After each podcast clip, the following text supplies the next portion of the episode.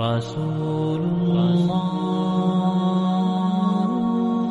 رسول الله طال بي الحنين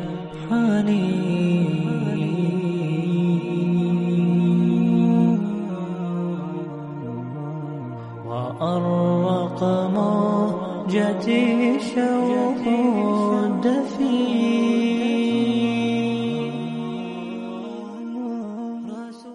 Alhamdulillah Rabbil Alamin, wa salatu wa salamu ala ashrafil anbiya i wal mursalin, divina Muhammedin wa ala alihi wa sahbihi, wa men tabi'ahum bi ihsani ila jevmi dini, thaman na bad. Doista svaka zahvala pripada našim gospodaru, Allahu subhanahu wa ta'ala, salavat mir i selam na Allahu kusanika Muhammeda, alihi selam, njegov poroc, njegov uzer, te ashabi, sve ljude koji slijede put istinu sudnjega dana. Vraću, moja draga, četvrtak je, nakon jacije namaza, u ovom zimskom periodu, družimo se u projektu Čitaoni u kojem čitamo lagano jednu po jednu knjigu. Trenutno se družimo sa knjigom Komentar 40 Hadisa i Mama Nevoja od Šeha Irudina i Šeha Osmana. Jedna doista, doista lijepa knjiga. Moj, nakon neki skroman savjet je da bi zaista svako trebao da posjede ovu knjigu zbog mnoštva korisnih informacija koje ova knjiga u sebi ima. Večeras smo došli do 21. hadisa, hadis koji bilježi ima muslim, jedan od najkraćih hadisa koji izrekao Allah poslanik ali se letu sram, s druge strane je jedan izuzetno, izuzetno koristan i velik hadis.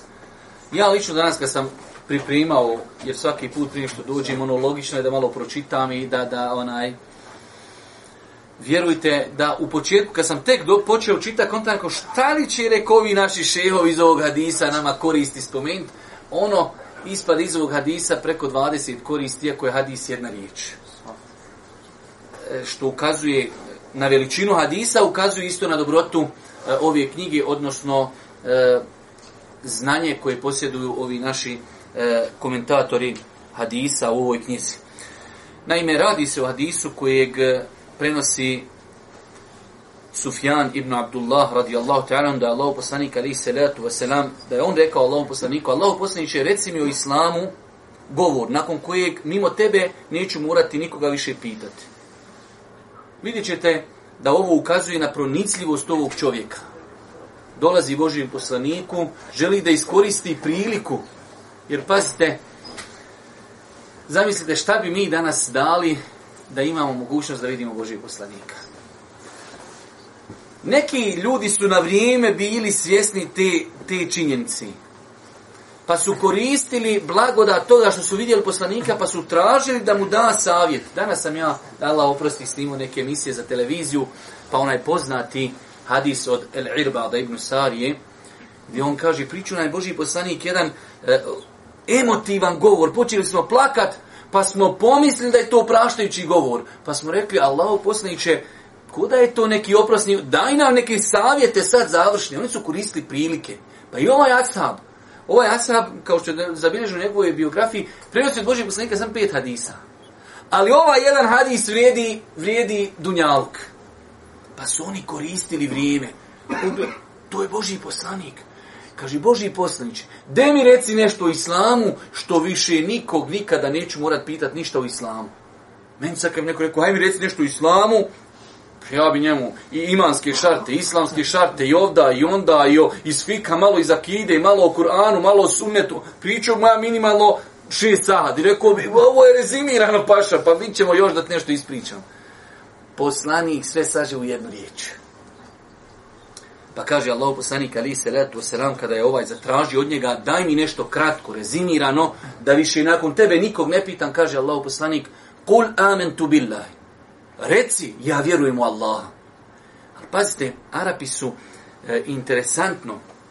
Neko je čak to navodio u nekim knjigama, Akide, da su oni u to, vjeri, u to vrijeme mnogo bolje razumijevali šta znači la ilaha illallah, iako su bili u datom momentu nevjernici, nego što ga danas razumiju neki ljudi koji kažu za sebe da su vjernici. Zato je Ebu Talib, kada je bio na smrtnim mukama, pazite, Ebu Talib je puno žrtvo za poslanika, njegov amiđan i branio ga i volio ga i znao je, rekao o njemu stihove u kojima opisuje da zna da je istina. Samo mu je trebalo rekti la ilaha illallah, nije rekao. Pa je umro ko nevjernik. Oni su znali šta znači la ilaha illallah. Pa njemu Boži poslanik, onako kako on razumije, kaže, reci ja vjerujem u Allaha. Ali zna se šta iz toga proizilazi. Ako ja vjerujem u Allaha, vjerujem da je on gospodar zemlje i nebesa, Vjerujem da on sve stvorio, vjerujem da se samo on obožava, nema više kipova, nema više širka i tako dalje. Oni su to i tekako dobro znali. Pa kaže Boži poslanik njemu kratko, reci ja vjerujem u Allaha. Šta nakon toga? Samo nakon toga ustraju to. Krat, to je praća sva filozofija Islama. Najkraće što možeš čovjeku objasniti Islam jeste ovo. Reci ja vjerujem u Ali su ne znam, ja vjerujem i ode ja gledat filmove. E ne paša, ne je to. Ja vjerujem sa svime što podrazumijeva riječ vjerujem. Ja vjerujem da je istina džennet, ja vjerujem da je istina sudnji dan, ja vjerujem da je istina džehennem, ja vjerujem da je poslanik govorio istinu, valja ga slijediti, valja ga poštovati, valja... E, to ja vjerujem u Allaha. Ja vjerujem u Allaha i ganjam zapise, no sam amajlije.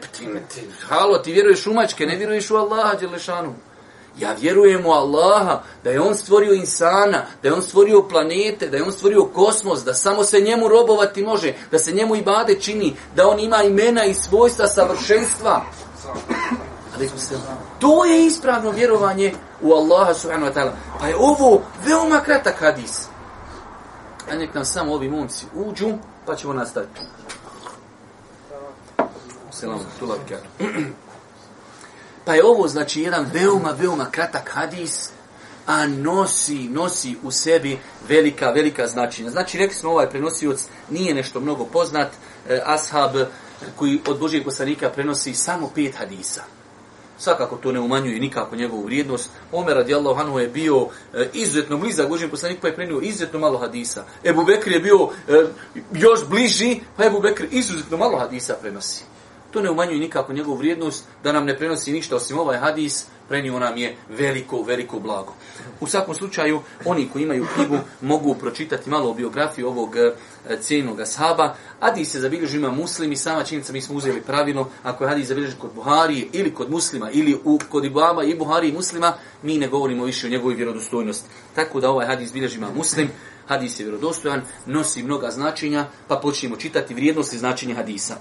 Imam Nebevi Rahmehullahu Teala rekao je za ovaj hadis. Ovo je jedan od hadisa oko kojih se kreće cijela vjera. Ako ga ispravno razumijemo, on ulazi u sve pore vjeri. Kad kažete ja vjerujem u Allaha, znači ti to podrazumijeva. Vjerujem u poslanike, vjerujem u ono sve što je objavljeno u Kur'anu i tako dalje. Znači, jedan širok pojam ja vjerujem u Allaha, znači e, na ovakav način. Kadi jad? Kadi jad, rahmehullahu ta'ala, rekao je za ovaj hadis. Ovo je jedan od sveobuhatnih vjerovjesnikovih, salallahu alaihi veselem, hadisa i potpuno istog značenja kao i riječ uzviženog Allaha. U istinu, oni koji kažu naš gospodar je Allah, a zatim ustraju. Vidjet ćemo poslije će nam i u koristima donositi e, šehovi, naši komentatori hadisa, e, ove koristi. Allah Đeršanu na dva mjesta u Kur'anu kaže Inne ledine kalu rabbun Allahu thumme stakamu. Oni koji kažu naš gospodar je Allah, a zatim ustraju. Pa pogledajte kako riječi Božih poslanika poklapaju se ka, sa kuranskim principima, što ukazuje da nema kolizi između sunneta i Kur'ana. Bukvalno pa identična je poruka između ovog hadisa Božih poslanika i kuranskih hajeta. Inače, e, vjerujem da smo to dosta puta spominjali kroz ovih 40 hadisa i mama Nevevja, ali ovog poslanik je imao jednu veliku odliku kao što je došlo u hadisu i Buhari i muslima, da je Allah poslanik kaže datom je pet stvari, nikom je prije mene nisu date. Pa je spomnio Boži poslanik, jedna od stvari jeste data mi je jezgrovitost u ugovoru, džavamiul kelim. Imate hadisa E, koji su hadis la darara wa la dirara. Nima šteti niti nanošenje šteti. Ili ovaj hadis. Kul amentu billahi sume stakim. To su sve riječ, dvije, tri riječi. U komentaru ovih hadisa se pišu tomovi. Toliko je Allah subhanahu wa ta'ala dao je zgrovitost Božijem poslaniku da u malo riječi, u malo riječi može kazati mnogo toga. Šta kaže Ibn Ređep? Ibn Ređeb Rahimehullahu Teala rekao je, ovaj savjet obuhvatao sve segmente vjeri. U svakom slučaju imamo još neke izjave, ali ćemo ih preskočiti iz razloga što svi kruži oko toga da ovaj hadis je izuzetno širokog znači značenja i ulazi u sve spore vjeri. E, tema hadisa... Hadis govori o ustrajnosti u vjerovanju Allaha i svemu što dolazi od Allaha, kao što govori o obaveznosti objedinjavanja znanja i rada po njemu. Znači, kul amen tu bil, reci, reci, posvjedoči. Ja vjerujem u Allaha, fume steklim, zatim ustraj. Mi imamo jedan veliki problem današnjici, da e, zbog izazova u kojim živimo u vremenu, e, da imate velike, velike izazove. Imate ljudi posluša jedan ders, dva, tri, pet, deset, petnaest, pročita knjigu i ima želju da se vrati, i vrati se vjeri. Ali je problem, dolazi onog momenta kad treba ustrajati. Imate ljudi, Ramazan, Ajmo, idu svi u džamiju, idemo svi u džamiju. Na džumu, ali treba ustrajat. Pet vakata namaza, treba nositi hijab, treba izbjegavati alkohol, treba ostaviti drogu, treba izbjegavati e, loše filmove. Ustrajnost. Tu dolazi do izražaja zaista ko je iskren, ko, ko je sa znanjem kazao ove riječi. Pa ovaj hadis, znači njegova bitnost je definitivno u tome što znači podstiči na ustrajnost. Reci, ja vjerujem u Allaha, Allah Žešanu kaže Zar misle ljudi e hasibe nasu en jutra kun jekulu amena vahum la juftenun Misli li ljudi da je dovoljno čekati samo kazati vjerujemo a da neće biti e, iskušani. E ovdje, reci ja vjerujem i ustraj, sad će doći iskušenja, valja istrajati na tom putu. Pa je znači ovaj hadis veoma bitan hadis, znači govori o ustrajnosti i o vjerovanju. Da vidimo pojašnjenje nekih riječi. Uh, reci mi o islamu, to jest reci mi o islamskom vjerovanju i njegovom zakonodavstvu, to jest šerijatu. Znači, kada ovaj asab dolazi i kaže, Allah, reci mi nešto o islamu, reci mi jednostavno o kompletnoj vjeri islamu nešto što će meni, hajde kažemo, koristiti, da ne moram više nikoga pitati, dobro? Govor na kojeg mimo tebe neću morati nikog više pitati, to jest sveobuhatan govor koji u sebi sadrži cijelu vjeru, koji je jasan i nije potreban dodatno pojašnjenje. Dobro, idemo na komentar Hadisa. Komentar Hadisa. Ovo je jedan od sveobuhatnih vjerovjesnikovi sallallahu alejhi ve sellem hadisa i njegovih mudžiza kojima je uzvišeni Allah posebno počastio. U hadisu se spominje kako je plemeniti ashab Sufjan ibn Abdullah zatražio od vjerovjesnika sallallahu alejhi ve sellem savjet koji će ga uputiti na svako dobro i tako postići svaki uspjeh. Allahu poslanik sallallahu alejhi ve sellem uputio mu je kratki ali sveobuhatni savjet u kojem je sa nekoliko riječi objedinio cijelu vjeru. Mm -hmm. Tako je s prvom rečenicom, reci vjerujemo Allaha, objedinio sve vrste teohida Allahove jednoće, dok je u drugoj rečenici, a zatim ustraj, ukazao na pridržavanje svih naredbi i ostavljanje svega što je zabranjeno, jer se pod ustrajnosti misli na ustrajavanje u činjenju svake pokornosti i ostavljanju svake nepokornosti. To je ono što smo malo prije rekli, ali čisto da ponovo satimo. Kad kaže Allah poslanik, reci, ja vjerujem. Mi znamo, znači, da bi nečije vjerovanje bilo potpuno mora obuhvati četiri stvari. Ja vjerujem da Allah postoji. Jer imate ljudi koji kažu nema, nema Boga, čovjek je nastao od majmuna, od gorila, i od polnoglavaca i šta već lupaju, samo svevišnji Allah zna šta šeitan može fabricirati, eh, da insan svašta lupi. Ja vjerujem da Allah postoji, pod jedan. Ja vjerujem da je Allah gospodar zemlje i nebesa, da je On stvorio zemlju i nebesa, da se ne može u kosmosu nigdje ništa desiti, osim Allahom dozvoljom. وَمَا تَسْقُتُ مِنْ وَرَقَةٍ إِلَّا يَعْلَمُهَا Ni jedan list ne opadni u cijeloj planeti, Allah za njega ne zna. Znači, nema takvog lista. Pa vjerujemo da Allah postoji, vjerujemo da je, on go, da je on gospodar, da je stvorio zemlju i nebesa, da je stvorio čovjeka. Vjerujemo da se samo njemu i bade čini, broj tri, to je tauhid uluhije. Da vjerujemo da se samo i bade ta čini, nikome drugu. I na kraju, da vjerujemo da Allah ima imena, ima svojstva, savršena imena, savršena svojstva u kojima mu niko nije sličan. Kul huwa Allahu ahad, Allahu samed, lem jelid, lem juled, wa lem je kullahu kufuan ahad. Nikomu sličan nije. Leji se ke mitlihi šeji. Ništa mu slično nije. To je ispravno vjerovanje. Da čovjek vjeruje da Allah postoji, da je stvorio zemlju i nebesa, da samo njemu se ibade čini i da on ima savršena imena i svojstva u kojima mu niko ne liči. Pa šta zimati, ja neću moći pričati ako tu budeš sjedio. Sjete tako, ljepše je već, onaj, malo je ljepši ambijent. E, znači ovaj hadis nam kaže, reci ja vjerujem, ovako vjerujem, kroz ova četiri momenta, thume stetim, zatim ustaj, kako ću ustrajati? Sve što mi je taj gospodar naredio, ja se pridržajem. Sve što mi je zabranio, ja se pridržajem to je ustrajnost. Prvo sam konstatirao da vjerujem na ovaj način, sa četiri stvari. Nakon toga ustrajam, ja sam priznao gospodara, priznajem da je Kur'an istina, da je poslanik istina, ne ostaje mi ništa drugo nego da ustrajem na činjenju naredbi, ostavljanju onoga što je zabranjeno. Prijeđi dole poruke iz hadisa. Pod jedan. Iz hadisa saznajemo koliko se drugovi Allahovog poslanika, salallahu alihi veselem, zalagali na putu stjecana znanja. Zašto ovo? Otkri nam ova korist. Jer nije ovu hadis, onaj klasični hadis gdje ja rekao Asab, ja sam čuo poslanika. Ne. Oni su se zalagali, tražili, su, koristili su prilike. Svaka prilika da se okoristi. Iako, znači, mi smo govorili o tome više puta, Enes sam, radi Allah, nam kaže, nam je bilo zabranjeno da pitamo. Ali kaže, znali su doći ljudi. Mi smo se, kaže, toliko znali obradovati kad uđe neki pustinjak. Pustinjaci, oni plaho ko, jednostavno nema u njih plavo neki ono, hajde da kažemo, kultura, gor pravo. Muhammede, hold, da mi reci. Kratko, jasno. Pa kad je došao onaj ashab i kaže Allahu poslaniče, kad će sudnji dan? Njemu je sad najveća briga, kad će sudnji dan, da on to u sebi zna izračuna, šta će, kako će. Kaže poslanik, a dobro, nam ukaže da ima nešto bitnije. Kad će sudnji dan, to ne zna niko. Ali šta si ti pripremio za sudnji dan? Pa kaže Allahu poslaniče, nisam nešto puno. Ali kaže, imam jednu veliku stvar. Volim Allaha, volim poslanika. Kažem Allah poslanik, ente ma men ahbebt. Veliko islamsko pravilo, ti si sa onim koga voliš. Kaže Enes radi Allah taranu, nismo se obradovali nakon što smo primili islam ničemu kod tom hadisu. Kojeg je rekao, kojeg je izrekao poslanik zbog jednog, zbog jednog pustinjaka. Pa kaže Enes radi Allah taranu, kao da je znao da će doći vremena kada će i zalutali i zabludeli Rafidije i šije psovati Bubekra i Omera kaže, ja kaže volim je Bubekra i volim Omera, volim poslanika. Nadam će da ću s njima biti u džennetu, ne u džehennemu, kako to oni tvrdi. S njima kada ću biti u džennetu, zbog moje ljubavi prema njima, a ne kada sam mogu uraditi djela, djela da uradim, ko oni nemoguće.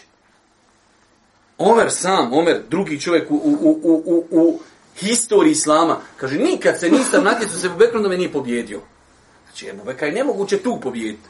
Ali kaže Enes, e, eh, taman kad je poslanik to rekao, ja se sad nadam da ću biti s njima. Što se tiče s dijelima, ne mogu, tu nema se natjecanja.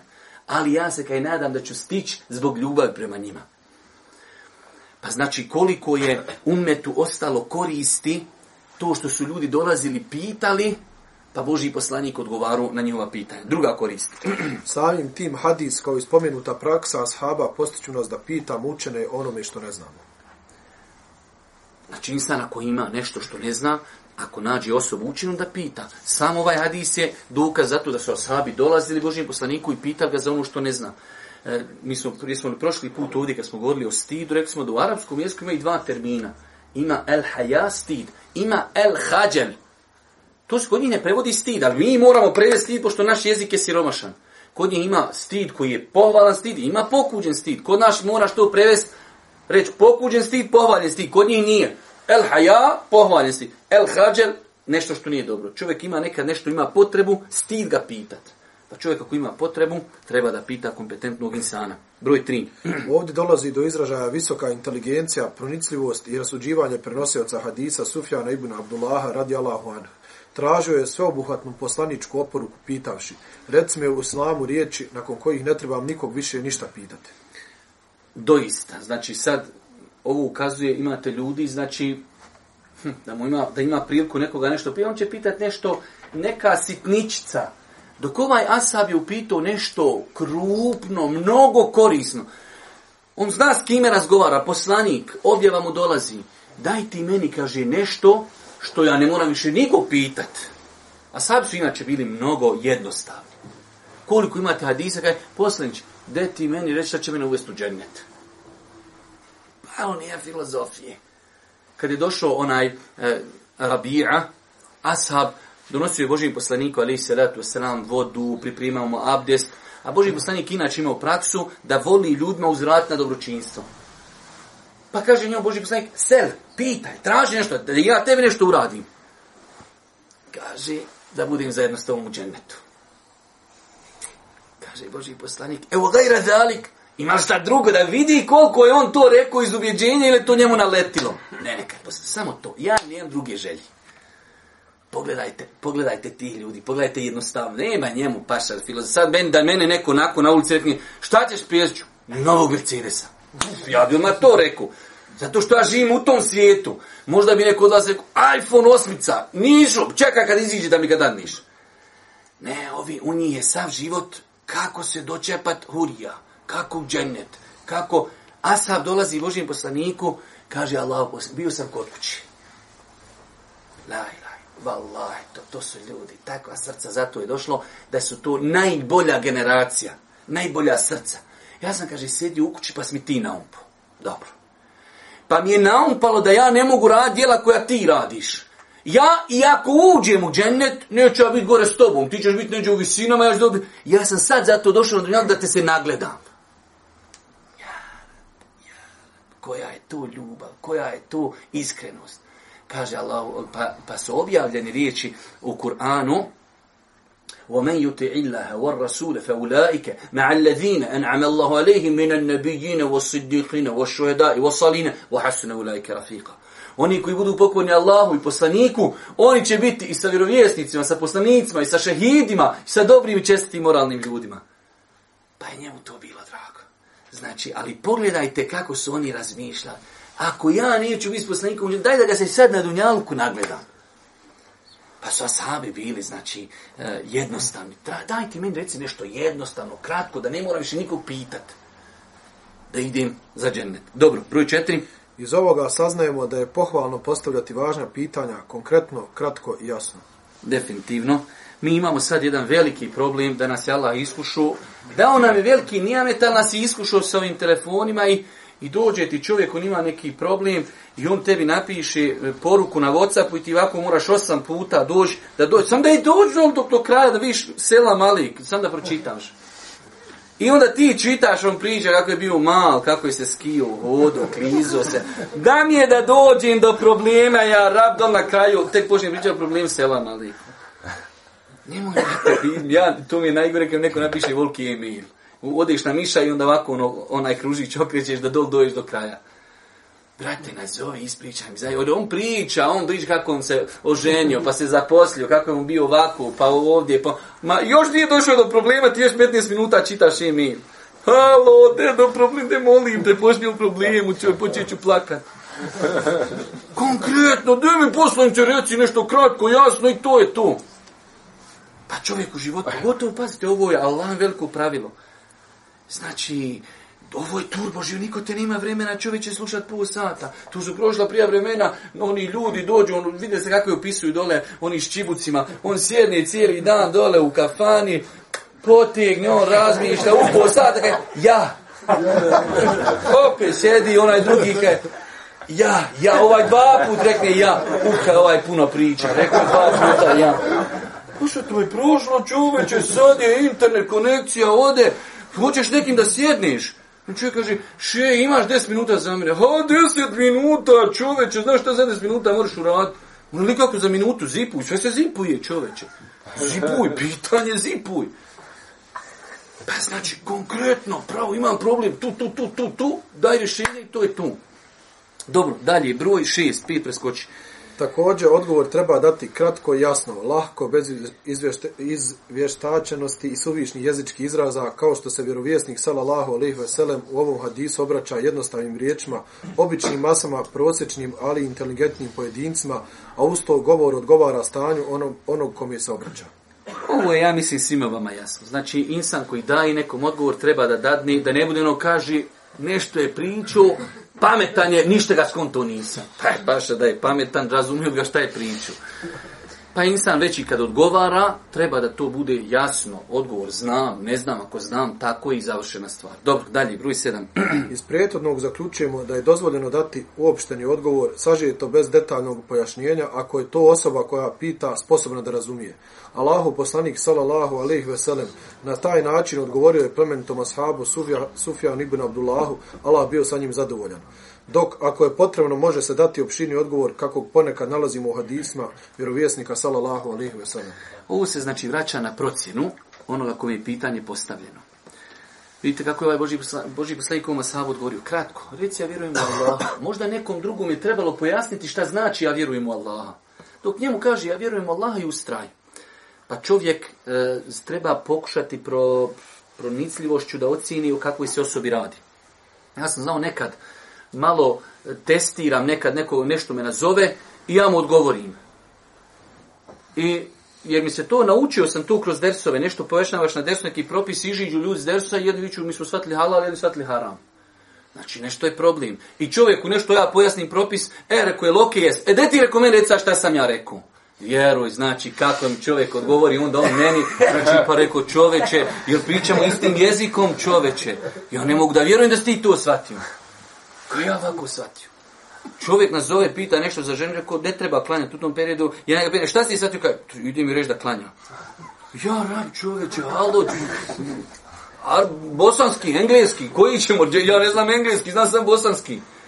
Znači, nekad, nekad insan, ako ima potrebu da se nešto pojasni, da se pojasni shodno opet situaciji e, insana. Dobro, broj Vjernik treba ostaviti govor koji nije od koristi. Allahu poslanik sallallahu alejhi ve sellem odgovorio je kratkim, jasnim i korisnim odgovorom. Jasno, znači Allahu poslanik sam on je rekao e, ko vjeruje Allah subhanahu wa ta'ala i sudnji dan neka govori dobro ili neka šuti. Znači insan ako nema potrebu da nešto detaljiši, da, e, da mnogo pojašnjava, ono što se može kratko kazati, treba kratko kazati. Devet. Osoba koja odgovara treba prilikom odgovora pridavati veliku pažnju prirodi i mogućnostima osobe koja pita. Sve, sve su ovo slične koristi. Inače, generalno pravilo da je Allah poslanik ali se ratuje se nam kada bi odgovarao ljudima, odgovarao bi shodno e, onome što oni već posjeduju. Znači imate više hadisa, Božijem poslaniku dođu ljudi i kaže Allah poslaniće, ukaži mi na najbolje dijelo. Pa jednom asabu rekne to, drugom kaže to, zato što Božiji poslanik zna šta njemu odgovara. Dođe asab i kaže, reci mi ti se nemoj ljutiti. Jer zna da je on temperamenta, njemu treba tuga, treba malo, treba ga doštelovati. Nemoj se ljut.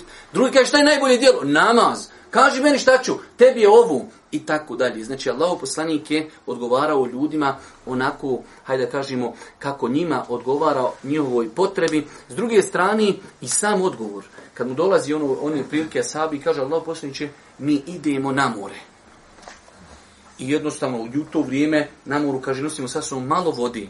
Ako tu vodu, znači ako bi koristili za abdest i to jednostavno otiče nam mnogo vodi. To nam je voda za piće, ne možemo na moru piti. Možemo li mi, kaže, abdestiti sa morskom vodom? Šta je Boži poslanik odgovorio tada? Kratko odgovorio, ali je dao mnogo širi odgovor. Pojenta je da je znao Boži poslanik dati mnogo širi odgovor na pi, nego pitan. Kaže Boži poslanik, huo tahuru ma'hu. Hu voda morska kad je čista. Ali je još dodao jednu korist iz koje proizilazi stotine propisa. Vahillun mejtetu, a njegov, kaže, strvina i leš, lešina iz mora je halal. Nije ga ovaj čovjek to pitao, ali je Boži poslanik to umetu riješio. Znači, pazite, imate e, životinje koji su morske, imate kopneni. Boži poslanik je u jednoj riječi dao propise za morske životinje. I tu u ovom hadisu. I to ga dao, čovjek nije ni pitao. Dao mu zato što, pa već kad idete tamo, treba vam pitanje vodi, vama treba i ovo pije, vi ne znate da vam treba, ali će poslije vam treba kad budete već tamo, ali će biti kasno, nema mobitela. E da vam sad odmah kažem na vrijeme. Pa kaže Boži poslanik Ali Isaratu Vasalam, ko što ono malo prije, kad će sudnji dan? Mene ima nešto prioritetnije i ovdje. Jest, voda je čista, ali vama je potrebno da znate ribe, u što vi klat nećete, kitove, hoćete li patati ili nećete. Znate da je 300 ljudi za vrijeme Božijeg poslanika otišli u izvidnicu kad su svaki dan jeli po jednu datulu. Svaki dan datula. Tako su oni živjeli. Mi danas, kad ti rekao, tri puta ćeš džambo sandvič pojest jutro, podni, najti bi od sutra vam pošla zmi, ja, rab, kako ću sutra na tri sandviča izdurati. Oni paša u džihad, idu sa jednom datulom. Niko se ne buni, to je, na Allahovom putu se ide. E pa smo došli, krenuli su iz Medine u pravcu tamo Jamba, pa su došli na morsku obalu. Kaže, pa je, kaže, pa smo vidjeli veliku životinju da je izbacilo je more. To je bilo, kaže, 30 ljudi sjedni samo u duplju od oka. Sjednu, pored maksus da vidi koliko je. Uzmu, kaže, njeno rebro, hadi se rodostojan, rebro uzmu, popnu se na devu i kaže opet gore ne mogu prođu ispod, ispod rebra, prođu koliko je rebro, čovjek na devi ne mere dofat gore rebro koliko ima Allah Želšanu, 300 ljudi bili oko mjesec dana odsutni, jeli nisu uspjeli ni pojest, ostalo još i ponijeli u Medinu i donijeli poslaniku. Allah Želšanu im podario risk i na faku.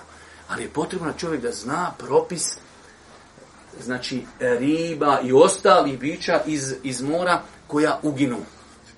Pa je znači Boži poslanik imao običaj shodno potrebi da nekad odgovori mnogo šire od onoga što mu se postavlja zbog potrebi e, znači za tim propisima. E, 11. Vjerovanje uzvišenog Allaha je temelj naše vjere, te je stoga prva obaveza svakoj osobi da povjeri u Allaha. Zato ovdje je Boži poslanik je počeo sa tim. To je najbitnija stvar, najbitniji temelj. Čovjek te pita šta? Kul amen tu billah, reci ja vjerujem u Allaha čak ovdje i ovo reci, nije slučaj, nije rekao Boži poslanik, vjeruju u Allaha. Kul, a reci, jer je, iman se sastoji iz tri dijela. Jedan od toga i govoriti. Jedan je raditi i jedan je ubjeđenje u srcu. Pa izgovor bitan, reci, inna ledhine kalu rabbun Allah. Oni koji kažu, mi vjerujemo u Allah. Oni kažu, ja vjerujem, ali ne mora niko znat da ja vjerujem. U mislima vjerujem. Ne, ja vjerujem u Allaha. 12. Vjerovanje u Allaha podrazumijeva vjerovanje u njega i njegovu jednoću, a zatim u sve ono što je doslo, došlo u njegovoj knjizi i sunetu njegova poslanika, salallahu alaihi veselam. Ovo je ta proširena verzija svatanja vjerujem u Allaha. Ako reknem vjerujem u Allaha, samim tim sam vjerovao da je on gospodar. Samim tim vjerujem da je on poslao poslanike. Samim tim vjerujem da je on objavljivao objavu. Samim tim vjerujem u tu objavu. Samim tim se pokoravam jer je on taj koji to naredio. Pa sve to proizilazi iz naših riječi. Ja vjerujem u Allaha. Dobro, dalje. Ovo vjerovanje u srcu mora da se obznani jezikom i potvrdi dijelima. Ustrajnost na pravom putu podrazumijeva ustrajnost čovjekovog srca, jezika i njegovih dijela na dobru. Najvažniji vid ustrajnosti je ustrajnost srca jer srce upravlja ostalim ljudskim organima, kao što je važna i ustrajnost jezika jer on odražava stanje srca. Ovo je, braću moja draga, jedna velika, veoma, veoma potrebna nama tema svima. Nažalost, umet mnoge stvari danas proživljava. Doće vrijeme kad ćemo mi te stvari morat popravljati, ali umet je i danas dan... E, u, u, u problematici sa vanštinom. Vi danas dan imate, znači, ljudi kad te vidi da ti ovako klanjaš e, ovako, a on klanja ovako, gotovo, ti za njega ne postojiš, on tebe ne vidi, ti za njega staklena tabla, nema ga, nema. Samo što si ti ispustio, podigo ruke, evo, paz, je li moguće da islam, da mu to znači, je li ovdje ruka ili ovdje? E, ima ljudi u umetu velik broj, ako nisi ovako ispustio ruke, ili obrnuto, završena stvar jesi li dodirno uši ili nisi. Brate, srž namaza je zvijezda stojiš pred Allahom. Brat. Ne, njemu je bitno, sve si ti dodirno uho. Nisi dodirno uho, ma ti si vehabija, ne mere te oprat sto kila faksa čovječ. Sluš, nisi dodirno uho. Je li moguće da je šerijat u to interesantno da se dodirno uho?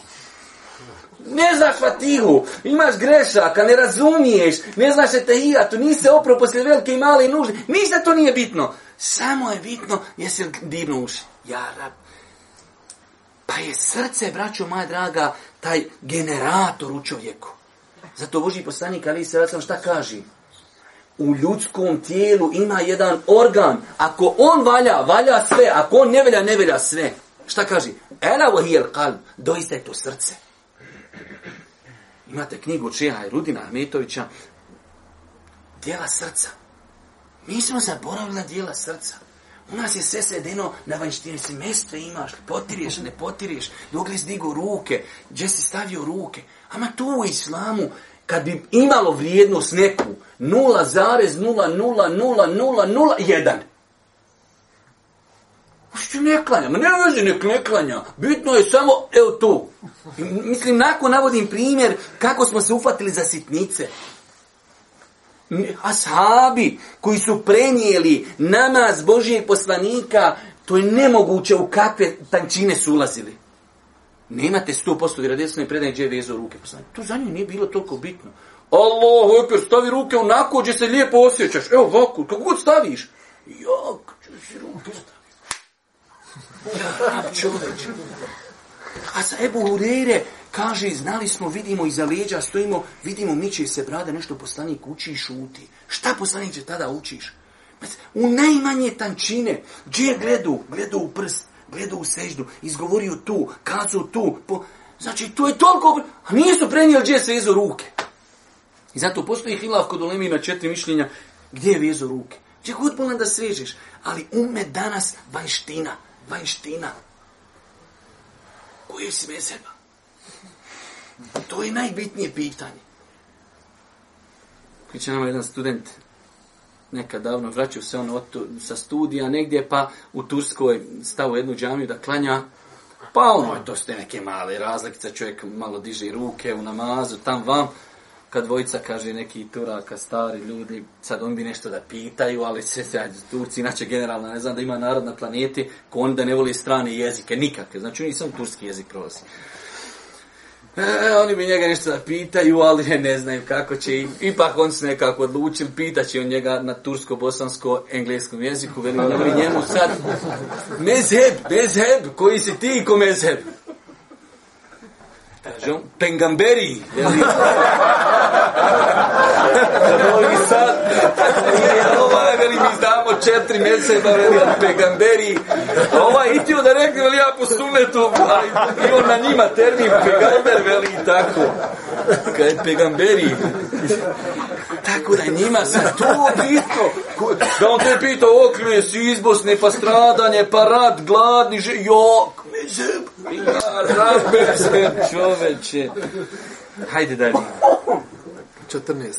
Iz prijetanog se zaključuje da se islam temelji na dvoje, imanu, to jest vjerovanju u srcu i ustrajnosti u potvrdi tog vjerovanja s dijelima naših organa, odnosno vanjskim dijelima, to jest vjerovanje nije ispravno bez ustrajnosti na činjenju obaveznih dijela i ostavljanju strogo zabranjenih generalno ovaj i prethodna korist se ogledaju u tome. Znači, to je, to je srž Islama.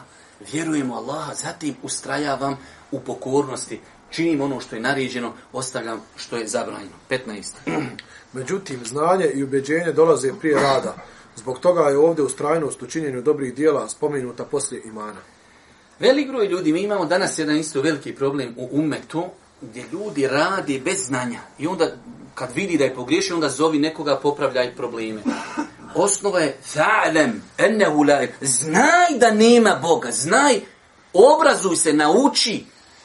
Pa je naobrazba prije postupaka. Hoćeš ići na umru, prije umri na, pročitaj. Hoćeš klanjati prije namaza, pročitaj kako se klanja. Hoće na, nastupiti Ramazan, pročitaj kako se posti. Pa isto tako o gospodaru. Pročitaj, spoznaj, nauči. Nakon toga, sume steklim. Ja sam zato nekad govorio, nekad se vraća naša e, malo i naljute na nas, ali vjerujte da je tako.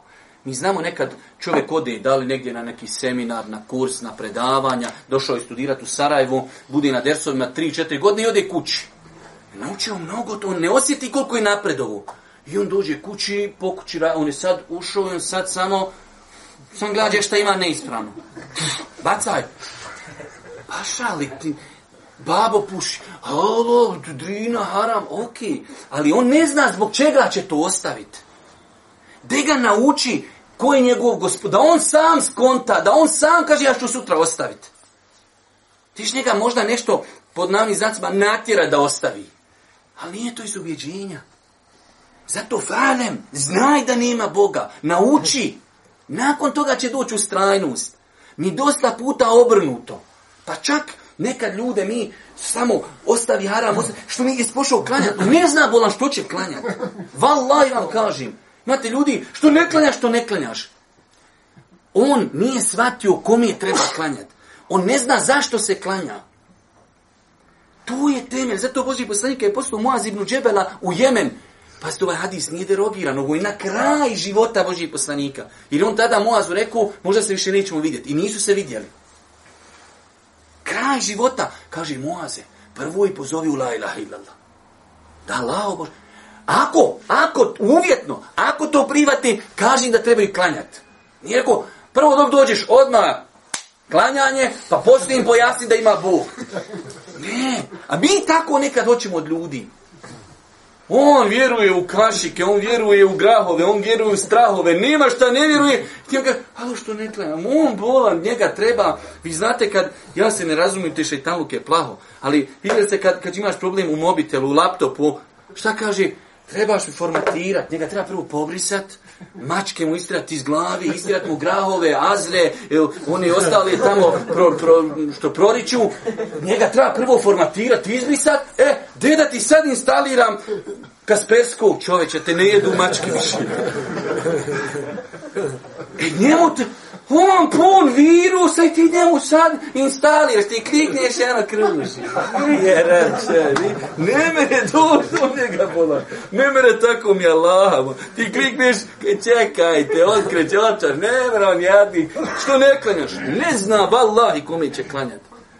Njemu treba očistiti ga prvo i onda mu instaliraš sistem kakav treba. Dalje, onaj koji u potpunosti ne izvršava vađbe, to jest strogi obavezne radnje, ili čini harame, to jest strogo zabranjene radnje, ne ustrajava na pravome putu.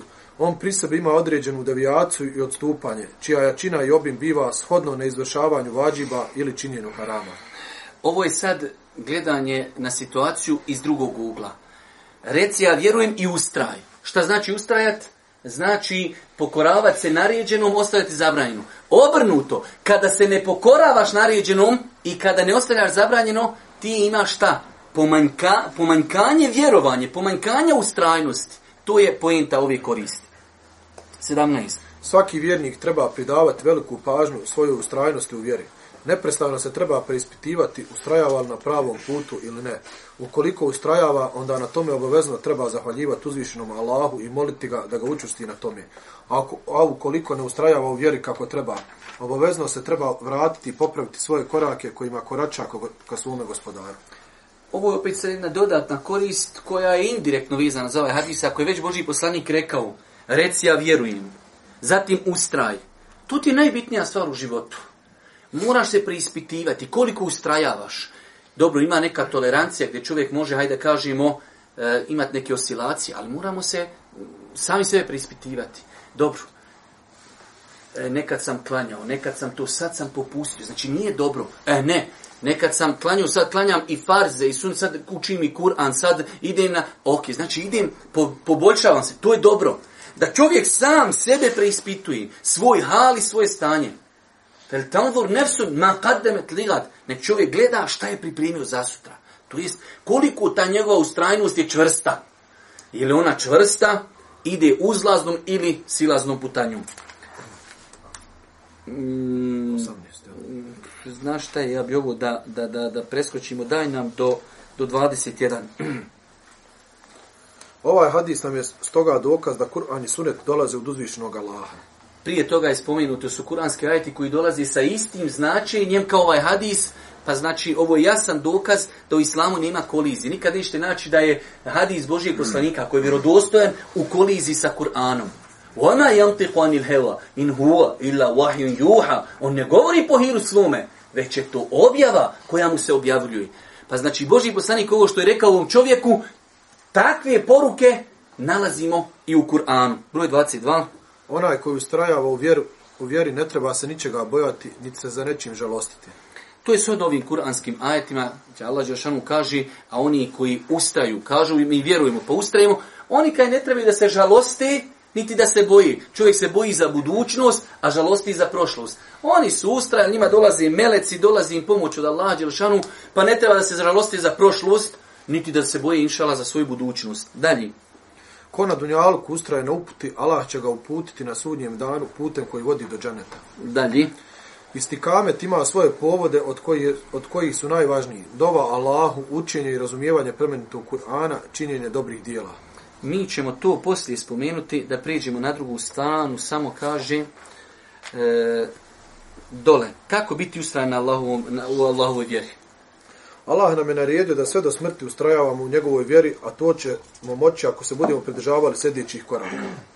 Prva stvar znači dokad ustrajati.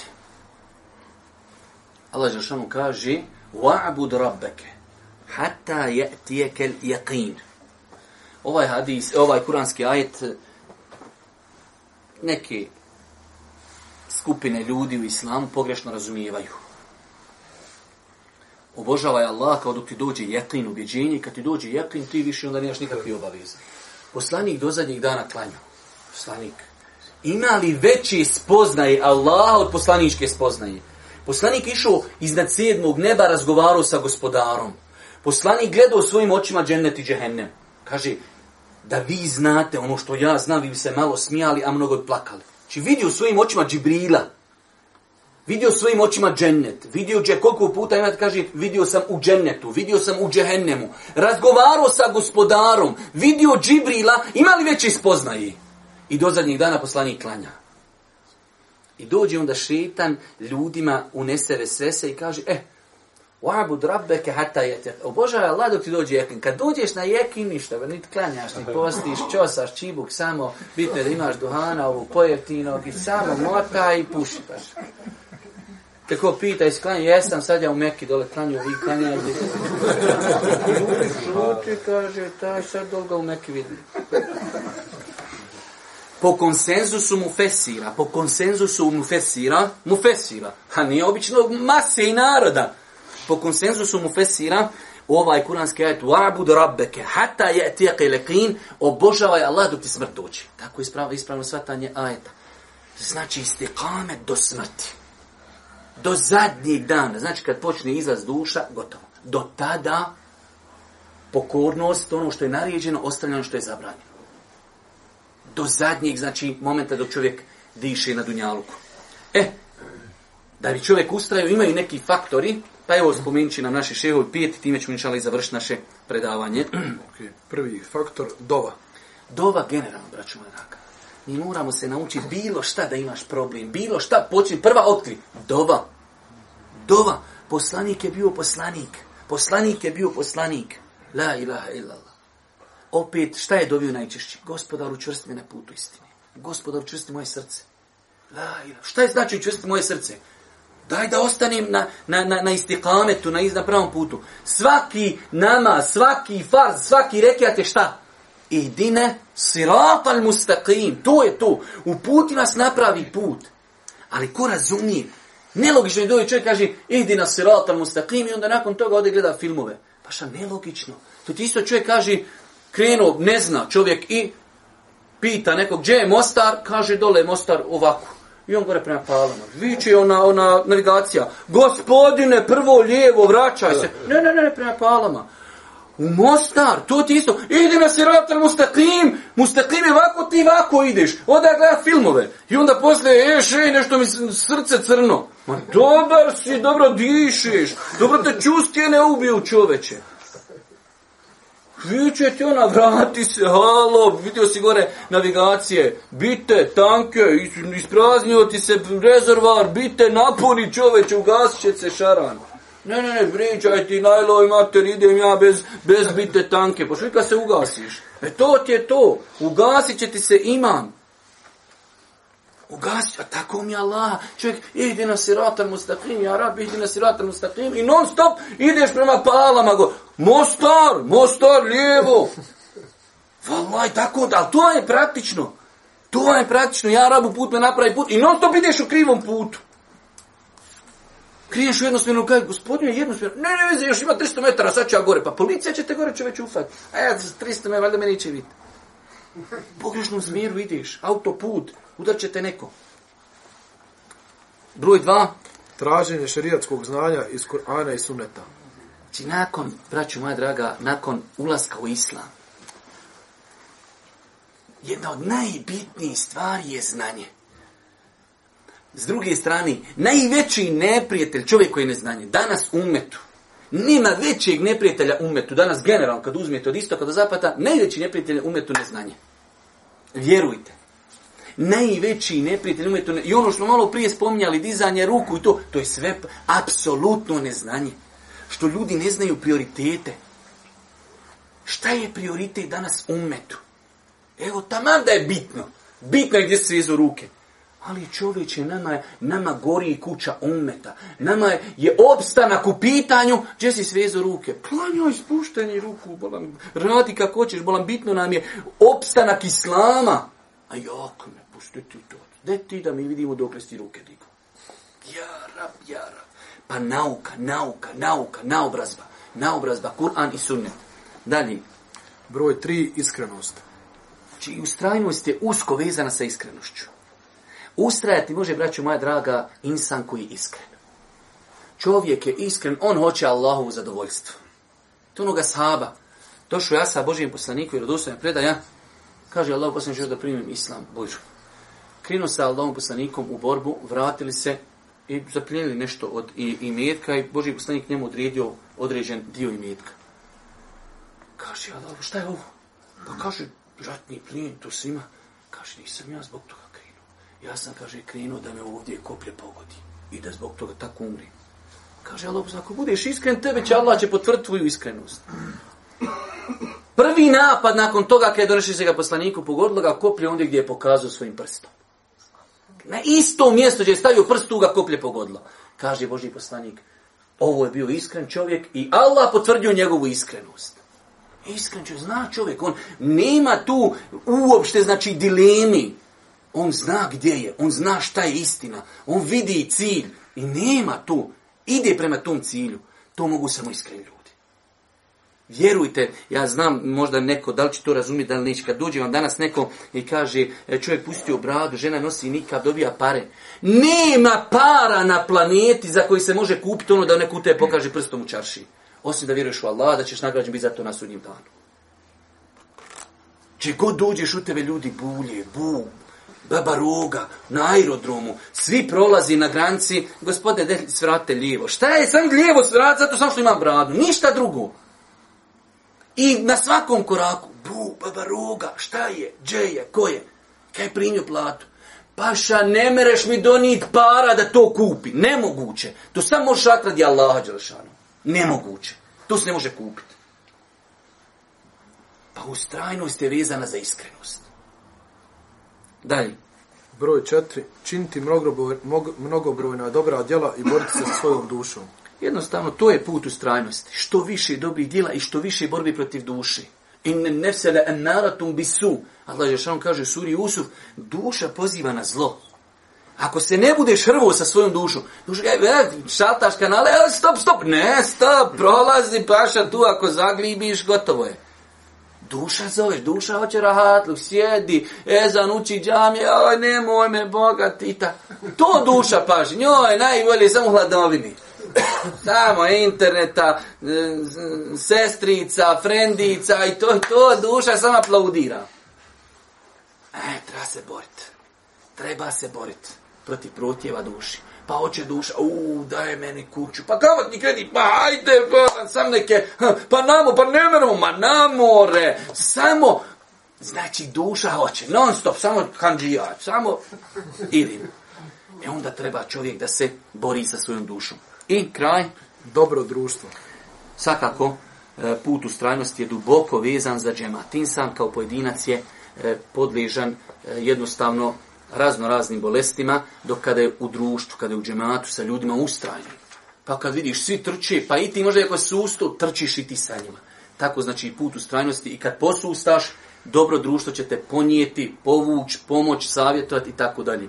Molim Allah Đešan da nas učesti na putu istini. Molim nas Fano Tala da budi milosti na sudnjem danu. Na kraju Subhanaka Allahumma da bihamdike šedun la ilaha ilan stavfiruke u etubu ilajke.